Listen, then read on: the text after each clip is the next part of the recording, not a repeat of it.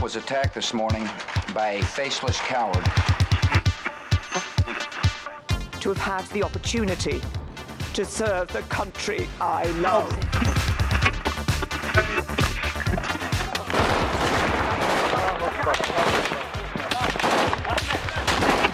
Den Einsatz für Frieden und Freiheit in Deutschland, in Europa und in der Welt. We will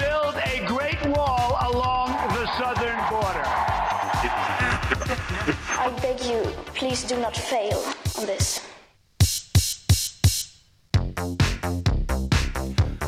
Góðan dag, hlustendur góðir þegar að hlusta á frettaskýringa þáttinn heimskviður á Rás 1. Ég heiti Guðmundur Björn Þorpesson. Og ég heiti Birta Björnsdóttir. Að vanda fjöllum við hér um það sem gerist ekki á Íslandi. Það sem gerist ekki á Íslandi í ávið fjöllum við það sem gerist út í heimi og í dag ætlum við til Breitlands og til mið Östurlanda. Heimskviður heilsa, förstu daginn 1. november 2019. Guðmundur Björn, hvað er þú að fjalla um í þessum þætti í dag? Ég ætla að fjalla um fallin leðtoga ISIS eða Íslamska ríkisins Abu Bakr al-Baghdadi en hann lést í síðustu viku þegar að bandarækjaher gerði innrásað heimili hans í Sýrlandi. Ég ræði við Gunnar Hrafn Jónsson sem starfaði um því sem fréttamaður hér á Ríkisútvarpinu en hann er öllum hnútum kunnugur um þessi mál og við ræðum meðal annars um framtíð þessara samtaka sem að óhættir að segja megi muna sinn fívil feguri ef þannig má orði komast. En þú, Birta, það er uh, Brexit, ekki satt? Jú, það eiginlega, var eiginlega óhjákvæmilegt. Í gæri var þessi frestur, en eitt fresturinn sem að brettar hefðu átt að ganga út úr Európa-sambandinu, 31. oktober. Já, þetta er semst átti að vera stór dagur í gæri. Akkurat, var einn af þessum hérna... Uh, stiklum í ferðinni miklu þegar breytar reyna að komast út úr Evrópusambandinu. Það er auðvitað endalast hægt að fjalla um Brexit en við ákváðum að þessu sinni að fjalla kannski aðeins um sko þess enna vandraðgang af hverju gengur þetta svona rosalega illa hjá breytum að komast út? Og segir það okkur eitthvað um sko já þjóðarsálina eða, eða stjórnkerfið eða eitthvað slíkt? Og við fengum Eirik Bergmann, professor í stjórnmálafræði sem veit nú ímislegt um þessi mál til þess að, að fara yfir söguna með okkur vegna þess að það gengur bæði illa hjá breytum að komast út úr Evrópusambandinu en það tók líka mjög mörg ár fyrir það að komast inn í sambandið þannig að það er svona gaman að velta fyrir sér aðeins sögunu og svona til að skoða af hverju þessi staða er uppkomið núna. En hvað finnst breytum og, og íbúum á Breitlandi um þetta sjálfur? Þú, þú rætti nú við, við íbúða þarna, ekki satt? Jú, jú breytum finnst auðvitað ímislegt um þetta og eru alls ekki á einu máli. En já, ég rætti við Þóru Helgadóttur Frost sem hefur búið í London í 12 ár og eins og allir fylst með þessum fréttum og hún svona merkir þennan leiða sem fólk er komið með á þessum umræðum og sagt, öllum sem tengist Brexit. Ég ætlaði að reyna að taka það saman í ganni hvað við erum búin að flytja marga fréttir af Brexit í gegnum tíðina eða það er að segja í þessu þrjú og hálfa ár. Ég held að það sé ógjörningur að taka það saman hversu margar fréttir eru hafa verið sagðar og skrifaðar á VF, Júdorp og Sjónvarp hérna á Rúf meðal annars. Þannig að sagt, þetta er svona sípilja sem búin við gangið þrjú og hálft ár. Brettar eru bæður átnið þreyttir á því og eru líka, sagt, þetta er líka svona viðkvæmt umfjöldunarefni. Þannig að þetta er svona umfyllunarefni sem er bara svona oft tekið viljandi af dasgráni í fjölskyldubóðum vegna þess að fólk er á svo öndverði meði hvað þetta varðar.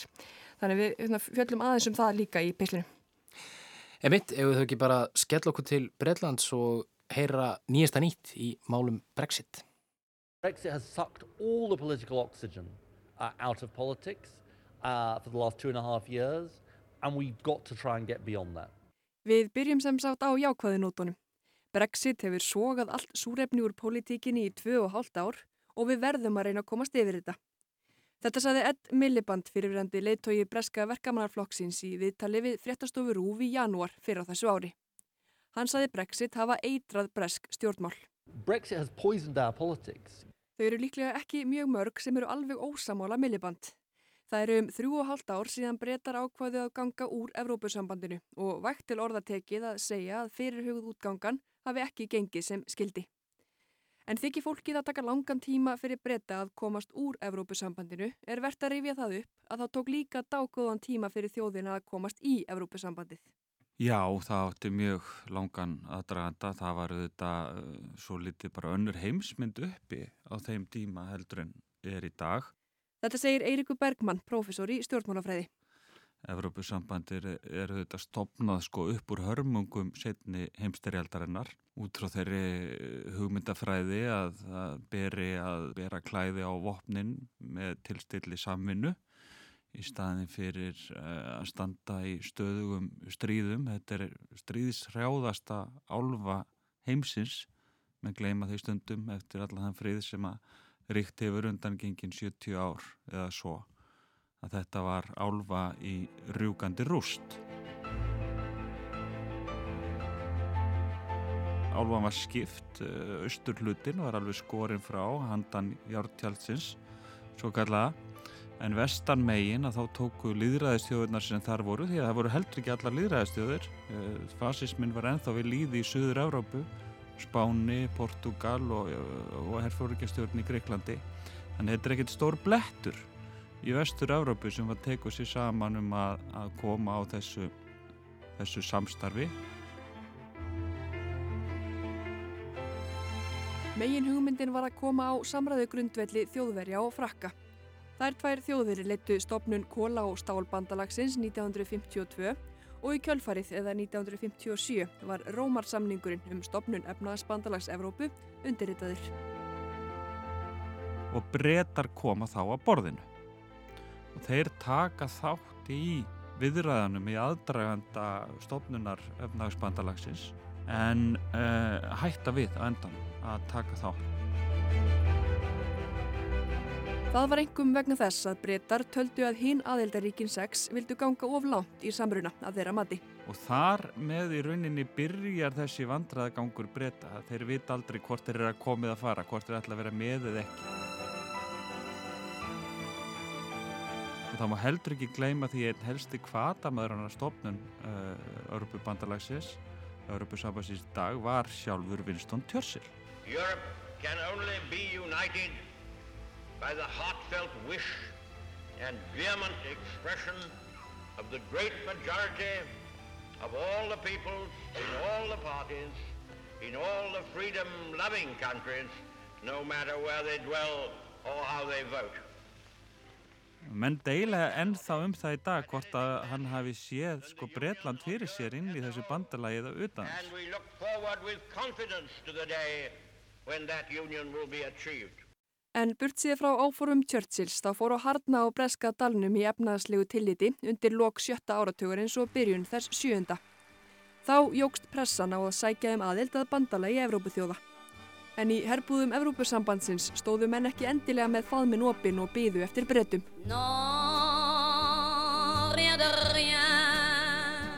Það hefur alltaf verið ákveðin vandraðagangur í samskiptum breyta og annara fórustumanna Európa-sambassins líka sem hefur endur speklast í hann aftur núna í þessum vandraðagangi sem við verið undan gengin ár.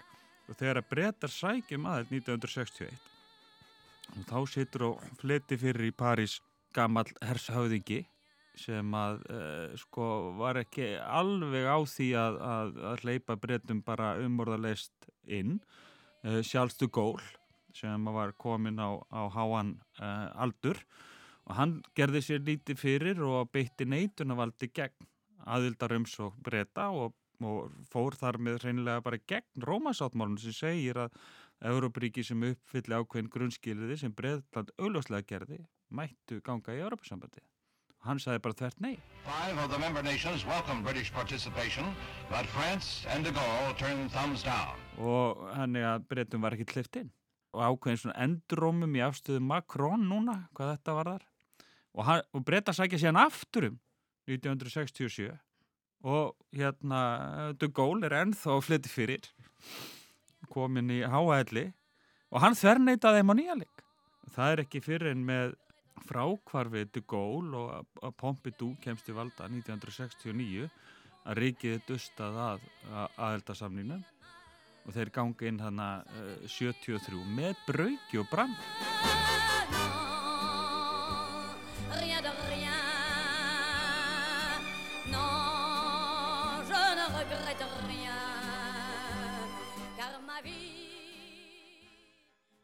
Eiríkur segir að það sé samhljómur í umræðinni í Breitlandi þá og nú. Bæði þegar tilstóð að ganga í Evrópusambandið og nú þegar reyndir að komast út úr því. Allur þessi vandræðagangur sjáum í öllum aðdragandanum og bara yfir áratugina inn í bandalæginu endur speiklast með kannski svo liti bara magnaðri hætti í brexit umræðinni. Þetta hefur ekkert verið flokknara fyrir breyta heldur en marga aðra og segir það okkur eitthvað um sko breyst stjórnkerfi eða breyst samfélag eða eins og nefndir aðeins sjálfsmynd?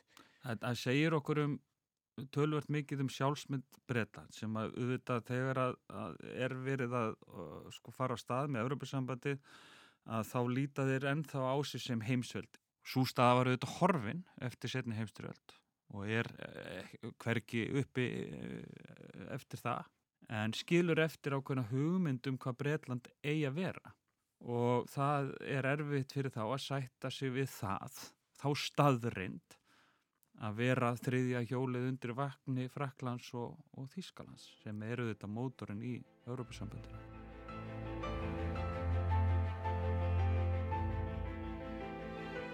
Þannig að þetta er bara tókstreita sem er stöðut eh, til staðar og henni mun ekki ljúka við útgöngu breyta úr Európa-sambandinu sem er nú líklega alveg óumflíjanleg eh, því að daginn eftir útgöngu breyta út úr Európa-sambandinu þá mun fara af stað hinn pólitiska baráta innanlands um að sækja um aðild að Európa-sambandinu og nýjanleg Já það er svo leist, þeir munu bara Það er mjög einfallega þannig. Það munu kannski líða ykkur af ykkur en ekki mjög langu tími. Og það mun verða mjög sterk kreyfing og mun áfram kljúfa þessu þjóði tenn.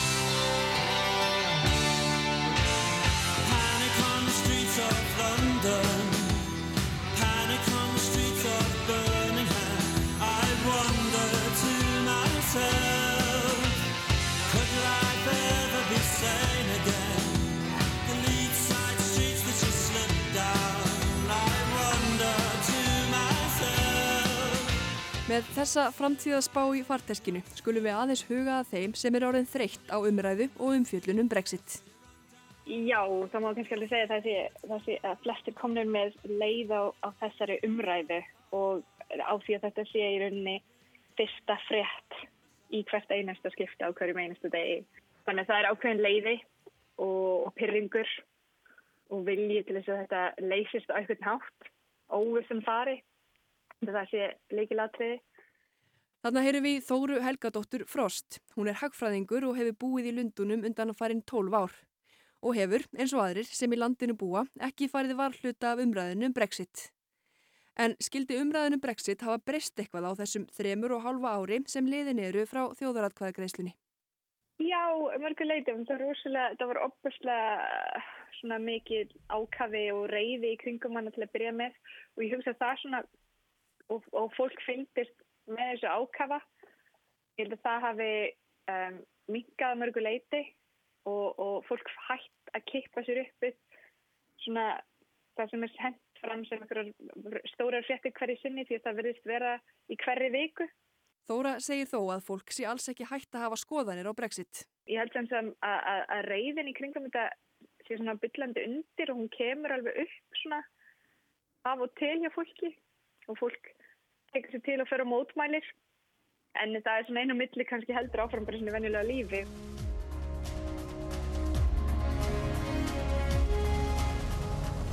Hér á eftir kemur hljóðbútur úr frétt sem við sögðum í lok júni árið 2016. Niðurstöður atkvæðagreislunar hafa kannski skiljanlega orðið tilefni ósættis og rifrilda í mörgum breskum fjölskyldum síðustu daga. Um, so I voted in, um, my mum voted out. Um, it was a, a few interesting chats about it. Um, both completely disagreed with each other. Jafnvel eru dæmi um að foreldrar og börn talist ekki lengur við. Kannast þóra við ósætti af þessu tægi og eimir kannski enn eftir af því? Já, að gessamlega og það er alveg þannig og ég hef alveg séð eitt um það og veit um fólk sem, og vini og kunningar sem hafa lett í því í fjölskyldunni sinni og, og þetta eru heit umræðefni í, fjölskyldu uh, uh, mannsinsminn þó, þó það séð allir á saman báti þá er það það skapast heitar umræðir í kringum uh, viðfansefni. Þetta er verið skipa, skapa ákveðna gjá á milli einstaklinga og þetta eru ákveðna fylkingar sem skapast í raun og veru. Þetta er svo opbústa mismöndi skoðanir. Þóra segir Brexit umræðu efnið eldfimt og vera ofta á tíðum tekið af dasgrá á vina og fjölskyldumótum. Annars er af því að fólk er mismöndi skoðanir á einhverju leiti og svo er bara þreytan í kringum það að, að fólk, það er svona, við skulum reyna að tala ekki um Brexit í kvöld, er, er svona alveg setning sem kemur upp. Sky sjónvarstöðin ákvað á dögunum að bjóða upp á nýja sjónvarsfréttastöð þar sem engar Brexit-fréttir verða sæðar.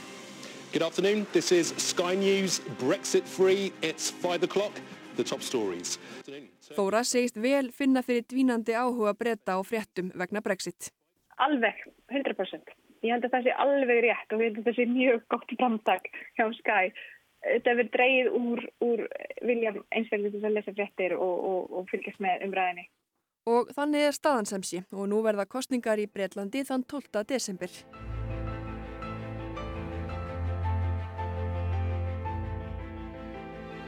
Kosið er í jólamánuðinum í fyrsta sinn í hartnær 100 ári í Breitlandi. Það gerðið síðast árið 1923. Og nýjasti útgöngufresturinn til að ganga úr Evrópusambandinu er 31. janúar 2020. From European uh, Union President Donald Tusk that the EU will agree to a so-called flextension until January the 31st. En er einhver von á því að umræðinum Brexit breytist í bráð? Munu þessar kostningar snúast um eitthvað annað en Brexit? Stuttasvarið er þetta hér. Það er engin undan komu leið undan því að, að Brexit muni algjörlega yfirskikja allar umræður. Eiríkur telur hins vegar að mynd Brexit-þreita eigi ekki endilega eftir að hafa áhrif á kostningaþáttöku í desember. Það sé kannski helst hinn óheðbundna tímasetning sem gæti kostað kostningaþáttöku. Þetta er til dæmis uh, háskólanir verða að hafa ný loki starfsemi sinni og, og nefnendur komnir út um kvipin og kvapin og jafnvel sko, frá sínum kjördæmum.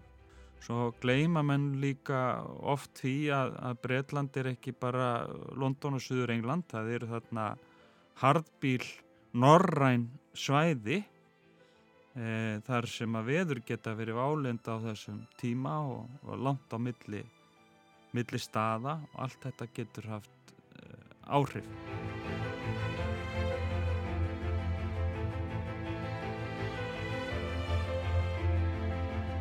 Þá sé það allt eins líklegt að tíð umræðunum Brexit virki hvetjandi á kjósendur. Þeir ætli ekki að sitja heima líkt og svo margir gerðu í þjóðaratkvæðagreðstunni árið 2016. En líkt og Ed Milliband var hugleikið í heimsung sinni hinga til lands er áhersla margra á að koma Brexit fyrir vind. Ekki síst vegna þess að á meðan er lítið annað sem kjænst að á dasgra á breska þingsins. Málefni á borði heilbriðismál, umhverfismál og samfélagsmál. Undir það tekur Lundun og búin Þóra. Það sem ég finnst erfitt er að, er að horfast í auðu við kostnaðinn sem hefur farið í það að, að reka þessar samningar viðræður, undirbúning við að verði engin samningur, allir þessi starfsmenn sem er að vinna við þetta, að skrifa texta fram og tilbaka og allir þessi undirbúningur sem eru fyrir ekki neitt af, af tilvill. Þetta er óbúslega kostnaður fyrir hægkerfið. Það er ekki að skapa neitt.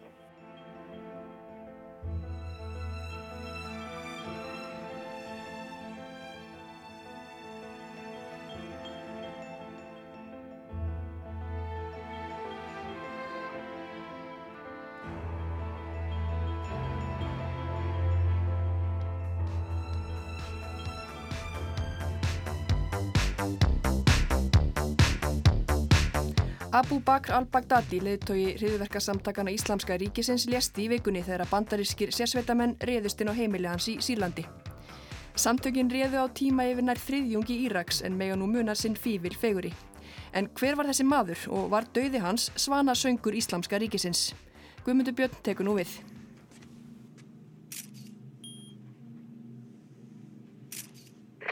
This is Red Zero Two. Við erum stödd á heimili Osama bin Laden í borginni Abbottabad í Pakistan á vordögum 2011. Bandarískir sérsveitamenn hafa nýlokið að taka þennan stopnanda hriðverkasamtakana Al-Qaida af lífi, óvinn bandaríkjana nr. 1. Skilabóðum um vel hefnaða aðgerð sérsveitaliðana er komið áleiðist til höfustöða bandaríska hersins í nágrannaríkinu Afganistan. Staðfestingunni á dauða bin Ladens er komið til skila með sérstaklega amerískum hætti. Geronimo. For God and country. Geronimo. Geronimo. For God and country. Lausleg þýðing á þessu myndmáli er einfaldlega Ósama bin Laden er dauður. Bandaríkin eru sögum við sig. Svona er þessari atbyrðarás líst í kvikmynd Catherine Bigelow frá 2012, Zero Dark Thirty. En þessi frásögn er nokkuð nærri í lægi, svona fór þetta vist fram. Bandarískir sérsveita menn ruttust inn á heimilið Bin Ladens, tóku hann og fjölskyldu hans af lífi, sögðu Geronimo for God and Country, fluguburt og vörpuðu líkinu í sjó. Bara síð svona.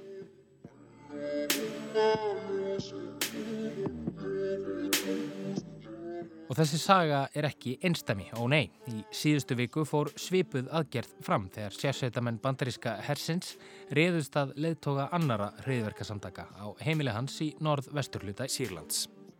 Samtök þessi hafa verið kölluð ímsum nöfnum. Íslamska ríkið, Daesh, samtökin sem kenna sig við Íslamst ríki, Ísil og hvað eina. Hér eftir verða þau kölluð Ísis til hæðarauka. Skamstuðnin sem var uppháðlega nótuð í fjölmjölum þegar samtökin fóruð að láta það sér kveða fyrir nokkrum árum og leðtógin, hinn fallni, er Abu Bakr al-Baghdadi, maðurinn sem ber höfuð ábyrð bæði á uppgangi og ógnarstjórn Ísis í Írak og Sýrlandi síðustu ár og öldu hriðverka árása í hinnum vestræna heimi, meðal annars í París og Brussel, þar sem yfir hundrað manns letu lífið. Og fyrst hann er horfin út á hafsauga eins og kollegi hans Bin Laden, er þá hægt að vona að allur vindur sé úr Ísis og mannskeðar hriðverka árásir og ógnarstjórn heyri sögunni til. Nei, það er líklega ekki svo, en það ásagan það til að endurtaka sig.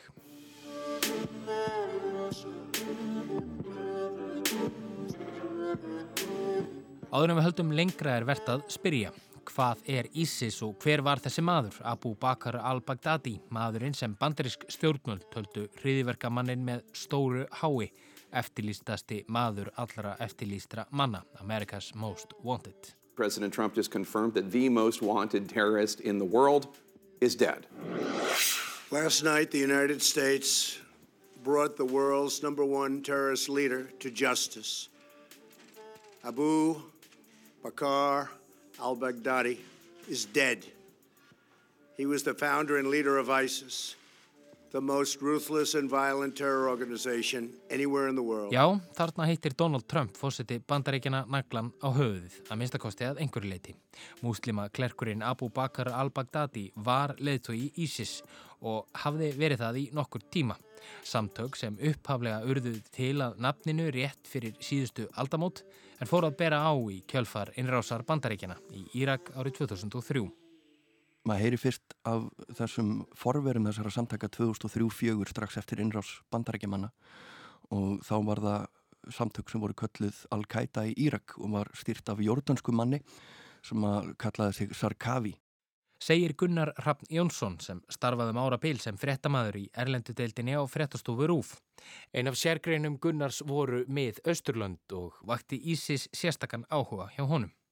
Svo mikinn að hann komst upp á kant við liðsmenn samtakana. Meira um það síðar. Gunnar er hér að tala um Abu Musab al-Sarkawi sem stjórnaði Al-Qaida um hríð. Og hann var mikill hrotti og stóð fyrir sérstaklega miklum árásum á síja muslima og stóð fyrir svona árásum á trúarhof og trúarháttíðir þeirra. Þetta voru blóðugustu árásveitnar í borgarastriðinu í Írak sem að fyldi kjálfar innrásarinnar og voru gerðar af þessum samtökum. Það voru oft týjir, jáfnveil uh, annað hundrað manna sem að letu lífið í þessum bílasprengju árásum og þau samtök mynduðu síðan uh, grunninn að uh, því sem að setna var Íslamska ríkið.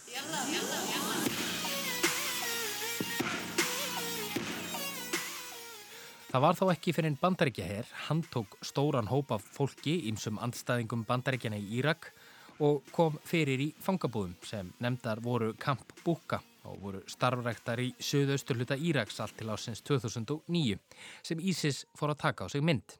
Í Camp Buka komu saman til að mynda margir af fyrirverandi hermönum Saddams Hussein, Al-Qaida-leðar og aðrir herskáir íslamistar.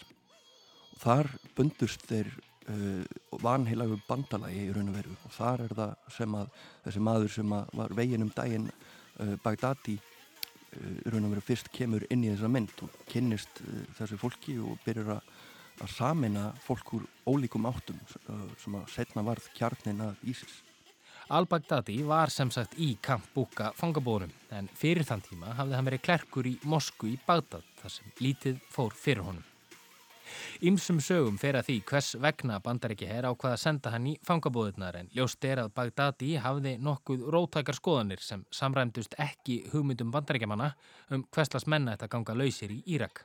Al-Baghdadi sem áður hétt Ibrahim al-Samari og fættist hann 28. júli 1971 var nefnilega vel kunnur þeirri harðlínu tólkun á kóraninum sem stundum er kölluð vahabíismi og á rætur sínar að reykja til Sáti Arabíu. Þessi hugmyndafræði gengur út á íhaldsama hreintrúarstefnu og er enn í dag svo ofinbæra hugmyndafræði og tólkun á kóraninum sem kendi er í Sáti Arabíu, hennu ríkasta og valdamesta ríkis Arabaheimsins. Sumir ganga svo langt að ekki sé hægt að skilja Ísis án þess að skilja vahabíisma.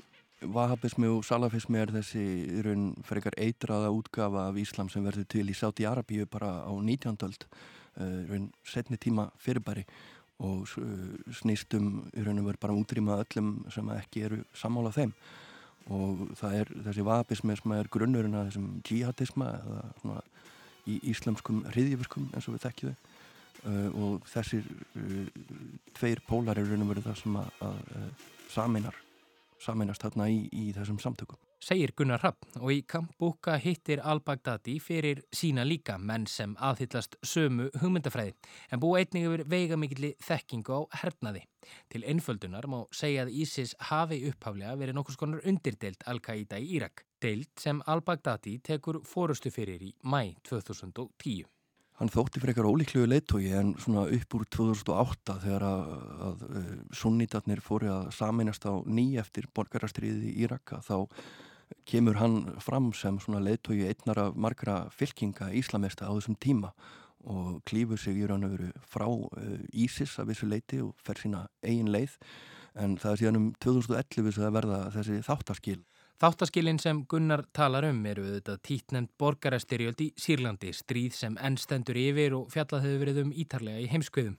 Átökin hafðu þarna tekt ánga sína alla leið yfir írösku landamærin og þá skapaðist dauðafæri fyrir Ísis að láta til sín taka. Opið land í Sýrlandi að því að eh, stjórnarhernin var mjög veikur fyrir á þessum tíma og þeir gáttu bara valsað inn, tekið fullt af eh, herrgögnum sem þeir síðan sneru við og fóra með afturinn í Írak og þar gáttu þau runni ennþá meiri sigra á mjög veikum stjórnarherr sem þar var með þessum þungavopnum og með aðstóð þessara fyrirhandi Hermanna Saddam sem þeir kynntust í búka fangabúðunum. Að eh, þar komu þeirra góðum nótum gáttu brúka þessar skriðdrekka og, og langdrægu vopn. Og það er einhverju snýr þessu algjörlega við að, að þeir séu með uh, þessi landamæri opinn hérna millir þessar tvekja landa og samtökin verða til svona á þessum tíma 2011-12 þarna á landamærunum þar sem þeir byrja að sölsa undir sig landsvæði og, og mynda vísin af þessu kalifadæmi sem þeir lýsa síðan yfir 2014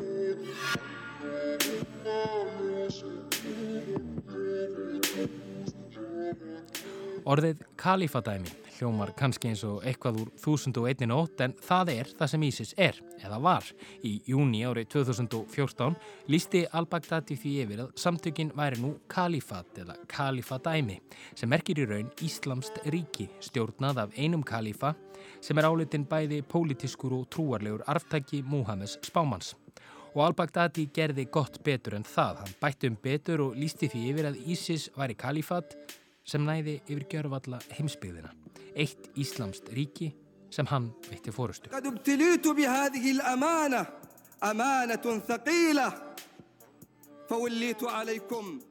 Þegar hann kemur í fyrsta sinn fram og síðasta sinn fram ofinbellega í Moskvu í íraksku borginni Mosul, 2 miljón manna borg sem riður þá yfir og lýsir yfir uh, kalifadæminu.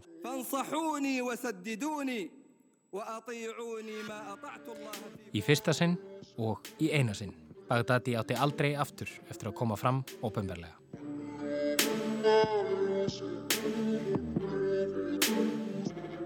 Og þarna var uppgangur Ísis rétt að hefjast þessara samtaka eða kalifadæmis, ríkis eða hvað þið vilja kalla það sem að hábúndi sínum reði yfir gríðar stóru landsvæði frá vesturluta Íraks yfir í austurluta Sýrlands þar sem á bylnu 8 til 12 miljónir Ég endur tek 8 til 12 miljónir manna voru á þeirra valdi og lífið á þessu svæði undir stjórn Ísis og al-Baghdadis var tölvört ólíkt því sem áður var. Þeir sem ekki hlítu skipunum voru hýttir ofinberlega, fjölmarkir karlmenn látnir vinna í þrælkunar vinnu og konur sendar í kynlífsánuð. Þá voru ofinberar aftökur daglegt brauð. Gunnar Rapp nefndi áðan að hagur Ísis vangaðist þegar samtökin komust yfir landamæri til Sýrlands og náðu að viðbúast. Í kjölfarið við komuna til Íraks tókst þeim einnig að rekja íraska herin á brott af stórum svæðum. Herin var illa þjálfaður en það höfðu bandarækjumenn skiptum hermenn í íraska hernum.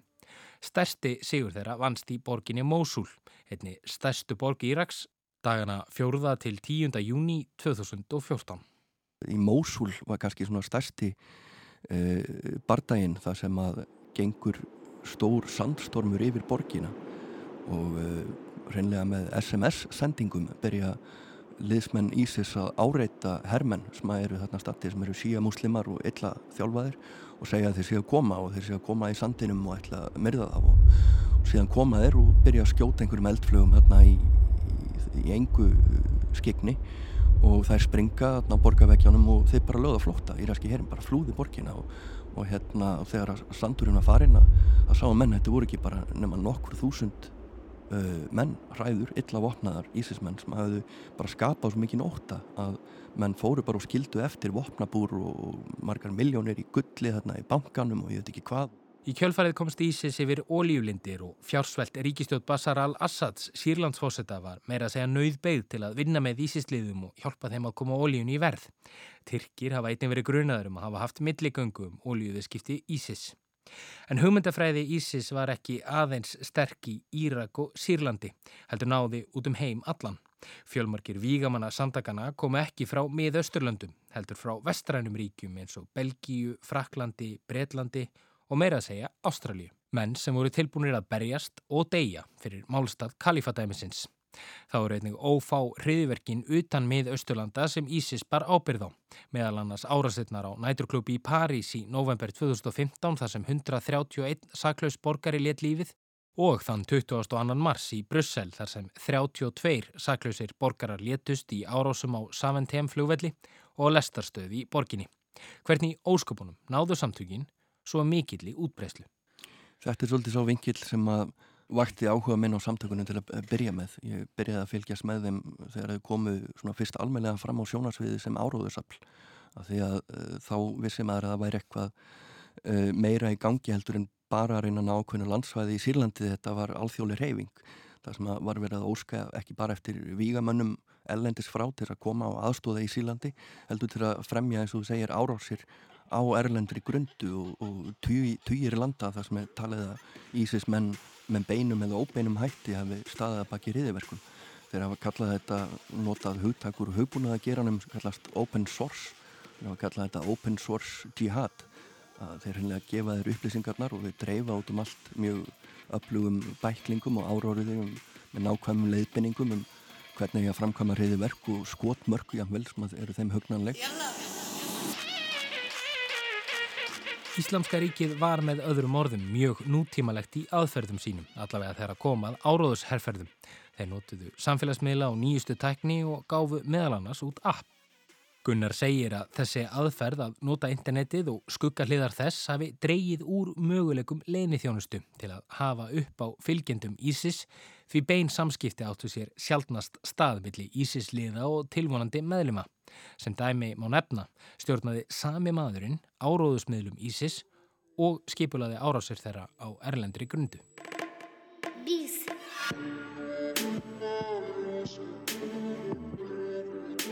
En rétt eins og Ísis beitti nútímalegum aðferðum í áróðusherrferðum sínum er hugmyndafræði samtakana nokkuð nútímaleg. Að minnstakosti heimsögulegum skilningi og fátt skilt við það Íslam sem þróaðist á árunum eftir dauða Múhammed Spáman á sjöndöld sem fyrir segir byggði al-Baghdadi sína tólkun á kóraninum nokkuð á Wahhabíisma sem á rætur sínar að rekja til kennimannsins Muhammed al-Wahhab sem var uppi á átjónduöld í Sáti Arabíu. Hann bóði íhaldsamar og ósveianlegar tólkanir á kóraninum sem festust í sessi í Sáti Arabíu þegar al-Wahhab myndaði bandalag með Muhammed ibn Sád fyrsta. Þetta er því nokkur skonar bókstafstrú. Það kann vist aldrei góðri lukku að stýra að lesa trúarteksta bókstaflega og líta þannig framhjá hennum raunverulega bóðskap sem getur ju verið góður og fagur. Það gildir um flest trúarbröð og til fróðlegs má nefna að bókstafstrú innan kristninar vaknar sömuleiði sem svipað leiti í bandaríkjunum. En það er önnur saga. Einn maður er þó álítinn öðrum fremri þegar kemur að útbreyslu þessarar stefnu sem stundum er einni kölluð salafismi, hugmynd sem byggir á kenningum Alva Habs. Það er hinn egífski Said Qutub, fættur 1906 en fór til náms í bandaríkunum á fjörða áratögnum. Og sér þar konur og kallað drekka saman áfengi ofinberlega á börum og sér konur bera, með bera fótleggi og, og telur bara hans í að sjá þarna yfirvöðandi fall seðmenningar og fer heim til Egiptalands og skrifar mikinn texta um það að múslimar verði að vera síðastir til að standa gegn þessu yfirvöðandi falli seðmenningar sé að sé um allan heim að grafa um sig í nafni eh, veraldarhyggju og sekularisma. Hann segir að ef að múslimar standi ekki vörðum sin eigin haga þá muni fara eins fyrir þeim eins og muni fara fyrir öllum öðrum. Og það er þessi hugmyndafræði sem flestir herskáir íslamistar tengja við, hugmyndafræði sem er komin langt frá kóraninum og þeim opimberunum sem skrásettar voru á sjöndöld í allt öðru samfélagi og í allt annari heimsmynd en fyrirfinnst í nútíma fjölmenningarsamfélagi. Þetta er nútíma hugmyndafræði, þetta er viðbröð við nútímanum, þetta er viðbröð við veraldarhyggju og sekularisma 20. og 21. aldarinnar. Þessi hugmyndafræði kannski hægt að líkinni daldi við þessu öfga allt rætt sem hefur verið kölluð öfga hægri higgja í, í bandarækjunum eða er í raun og veru bara svona íkt þjóðurnishyggja og uh, matsjóismi, þetta er raun og veru svona karlæg uh, íhaldsemi sem að snýstum að, að forna þeim breytingu að, og samfélagsmyndstir sem er að verða allt í kringum okkur, forna samkynneið uh, líta á það sem óeðlis eða þurfa að losa úr samfélaginu forna kvenréttindum og öllu sem hefur ávinnist þar og í raun og veru bara gleima þessu projekti sem að nútímin er. Og þetta er sterk alþjóðlega reyfing sem á sér byrtingamindir bæði á spjallarásum ungra eh, vestrætna drengja á netinu og í sprengju glöðum brjálæðingum í hinum einu á netti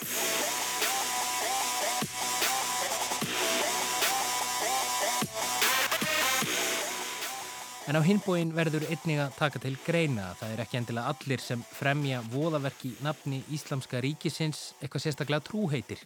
Margir þeirra ungu drengja sem stóðu af hriðiverkunum í Brussel og París hafðu setið inni, notað fíknefni og hvað eina. En þeir upplifa sig á jæðrinum og því er hér tvennskonar hugmyndafræði sem tókast á. Annars vegar hugmyndafræði herskárar trúarhefingar og hins vegar personlegar ástæður og aðstæður hvers og eins. Og ég held að það sé alveg rétt að, að mikið af þessum drengjum og oft er þetta ungir drengir sem eru yfirleitt lokkaður út í þetta þetta eru menn sem hafa einhvern veginn orðið á milli í samfélaginu eiginlega alltaf einhleipir eiginlega alltaf uh, verið í einhverju vandræði með sína sjálfsmynd og það bara sagar sem við þekkjum þúsundur ára aftur í tíman að þegar að tekur saman mörg þúsund unga reyða einhleipa kallmenn þá er þetta að hleypa þeim upp í alls konar vittlisu og, og mörg verstu ofbeldisverk sögunar eiginlega öll hafa verið framinn af ungum eh, mannum sem hafa verið herrkvattir með einum eða öðrum hætti.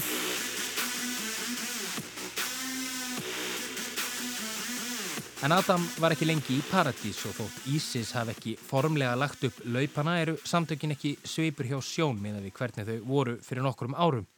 Frá því um mitt ár 2014 höfðu bandaríski herin og bandamenn þeirra barist gegn vígamönnum samtakana sem tók sinn toll. Árið 2017 mistu samtökin borgina Mósul í hendur íraska hersins og í kjölfarið mistu þau rakka, höfuð víi sitt í Sýrlandi til hersveita sýrlenskra uppreisnamanna. Í november 2017 greindi bandaríski herin frá því að yfiráðarsvæði Ísis væri komið niður í 2% af því sem það hafði verið þegar það var sem stærst. Stóra tilkynningin kom svo í desember sama ár þegar Haider al-Abadi, fórsetis ráþæra Íraks, tilkynnti að íraskar hersveitir hefðu rakið síðustu vígamenn Ísis úr landinu þremur árum eftir að Ísis hafði valda á rúmlega 30% af svæði landsins. Síðan þá hefur lítið farið fyrir samtökunum. Starfsemi þeirra er því gjör breytt, en þeir eru þarna ennþá, einhver staðar, til að mynda á netinu þótt bissukvellirnir séu ekki eins háverir. Maður veit að hugmyndafræðin er til staðar og eins og ég sagði aðan þá þartu ekkert net tengslanett, þú þarfst ekki að hafa bein tengslu mennina sem fremja árásveitnar það gæti alveg verið einhver 10-20 manna hópur einhver staður út í heimi að skipulegja Ísis árás andur þess að hafa nokkuð tíma að tala við nokkuð í Sýrlandi eða neitt sem tengist Ísis með beinum hætti. Þeir var bara að lesi fréttabrifið uh, hala niður uh, upp spreng, uh, sprengju uppskriftum og uh, valið sér eitthvað skotmark sem Ísis bendir á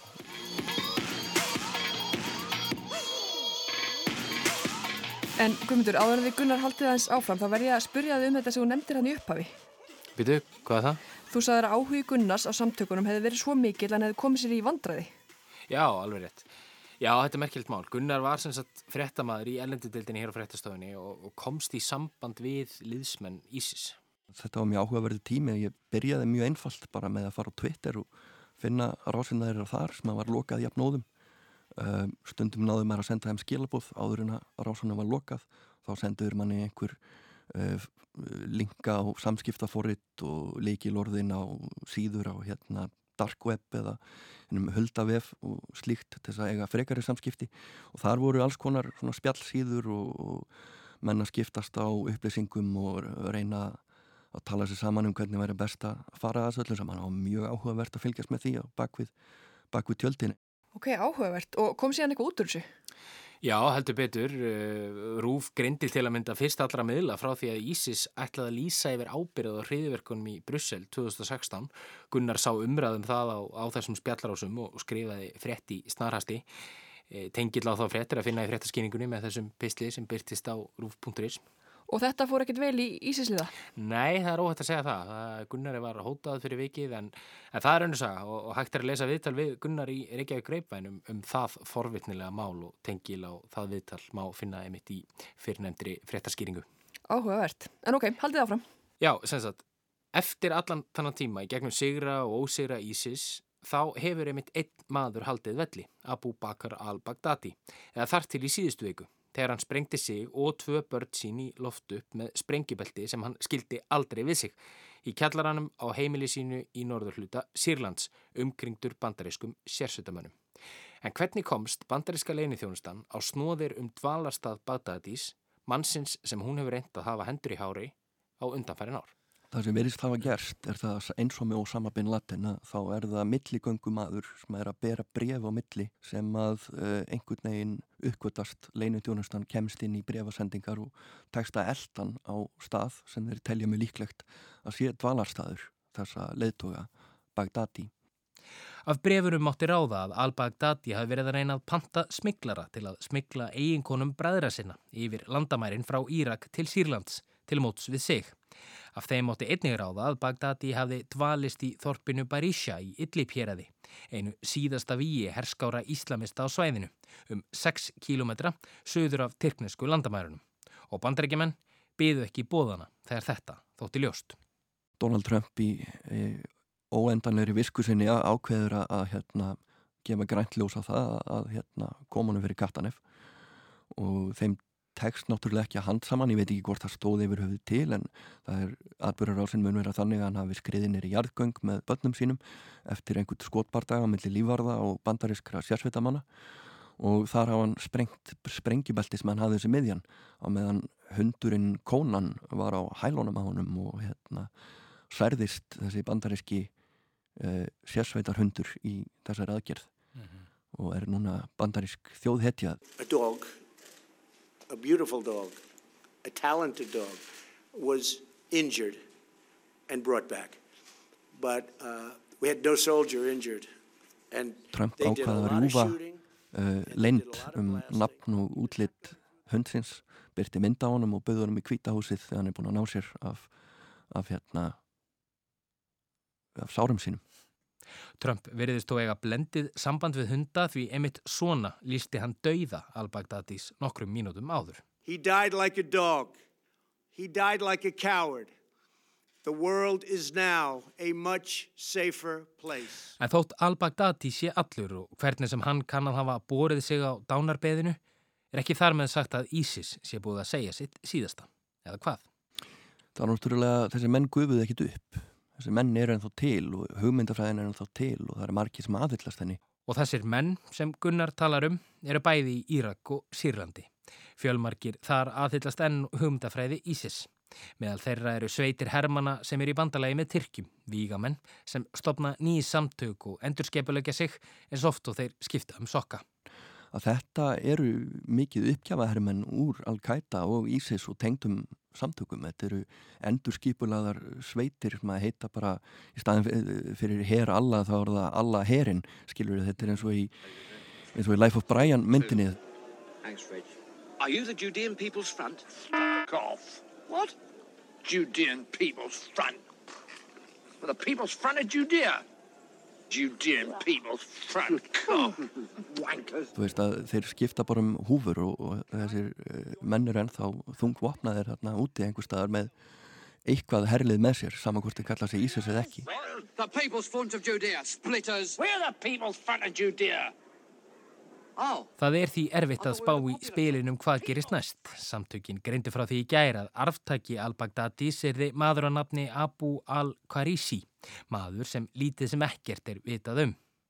Hans býður ærið verkefni að rýfa Ísis upp úr brunarústunum og rýsa upp úr öskustóni. Og þess að hræðilega og þakkan að hljóma, þá getur vel verið að það takist eitt daginn. Þeir ætla bara að sæta færis og býð eftir því að óstöðuleiki myndist á ný því að það er ágætis veðmál með Östurlöndum að þú þurfur ekki býðið mörg ára áður en að það verður einhvers konar borgara lætið einhver uppþótt eða hérinn reynir að ræna völdum eða eitthvað og þá alltaf þeir náttúrulega að reyna að vera hluti af þeirri atbyrðar ás.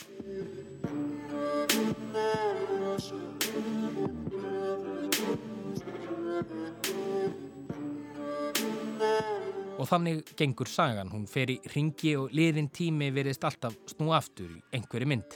Sagan endur tekur sig og tíminn býtur því í bakið. Efnahagshrun koma aftur, alkoholistinn byrjar aftur að drekka og einmanna og ringleðir karlmenn mun áfram fremja voðaverki í nafni trúar eða einhverjar annarar hugmyndafræði, sama hvað þeir kalla sig. Og það er erfitt að stoppa það. Hvað var þar reyfingar rótækra og herskára íslamista eins og ISIS og Al-Qaida og útbreyslu þeirrar hugmyndafræði segir Gunnar þó að rót vandans sé að finna þar sem sjálfnast er leitað að henni. Bíllein í stofun er náttúrulega Sáti Arbíja í þessu öllu saman. Mikið af peningunum og hugmyndarafræðinni kemur frá Sáti Arbíja og líka mennirnir og, og þar eru þetta vinsæl samtök, skilur við. Þetta er þeirra hugmyndafræði sem að gegn sýrir þessi hriðiverk. Það er Sáti Arbíska hugmyndafræðin sem að þeir hafa breytt út um allan heim krafti ólíöðus. Það er að fara að upprætta hriðiverka netið um allan heim þá þarf það að byrja á þeirri hugmyndafræði sem er ofinberi í Sáti Arbíu og er breytt út í krafti ólíöðus. Það, aftur á móti, gæti reynst þrautinn þingri. Blessunarlega er þó lang stærstur meiri hluti þegar að tæplega tvekja miljardar muslima fríðelskandi fólk sem trúir á miskun saman Guð. Þetta þarf ekki að taka fram, en ég gerir það samt. En því miður, eins og sagan hefur sínt okkur, sagan sem endur tekur sig, er það yfirleitt fremur fámennur hópur, afvegaleitra, félagsleira, einangraðara og útskúfaðara manna sem ratar á síður bláðana eða í útarspil.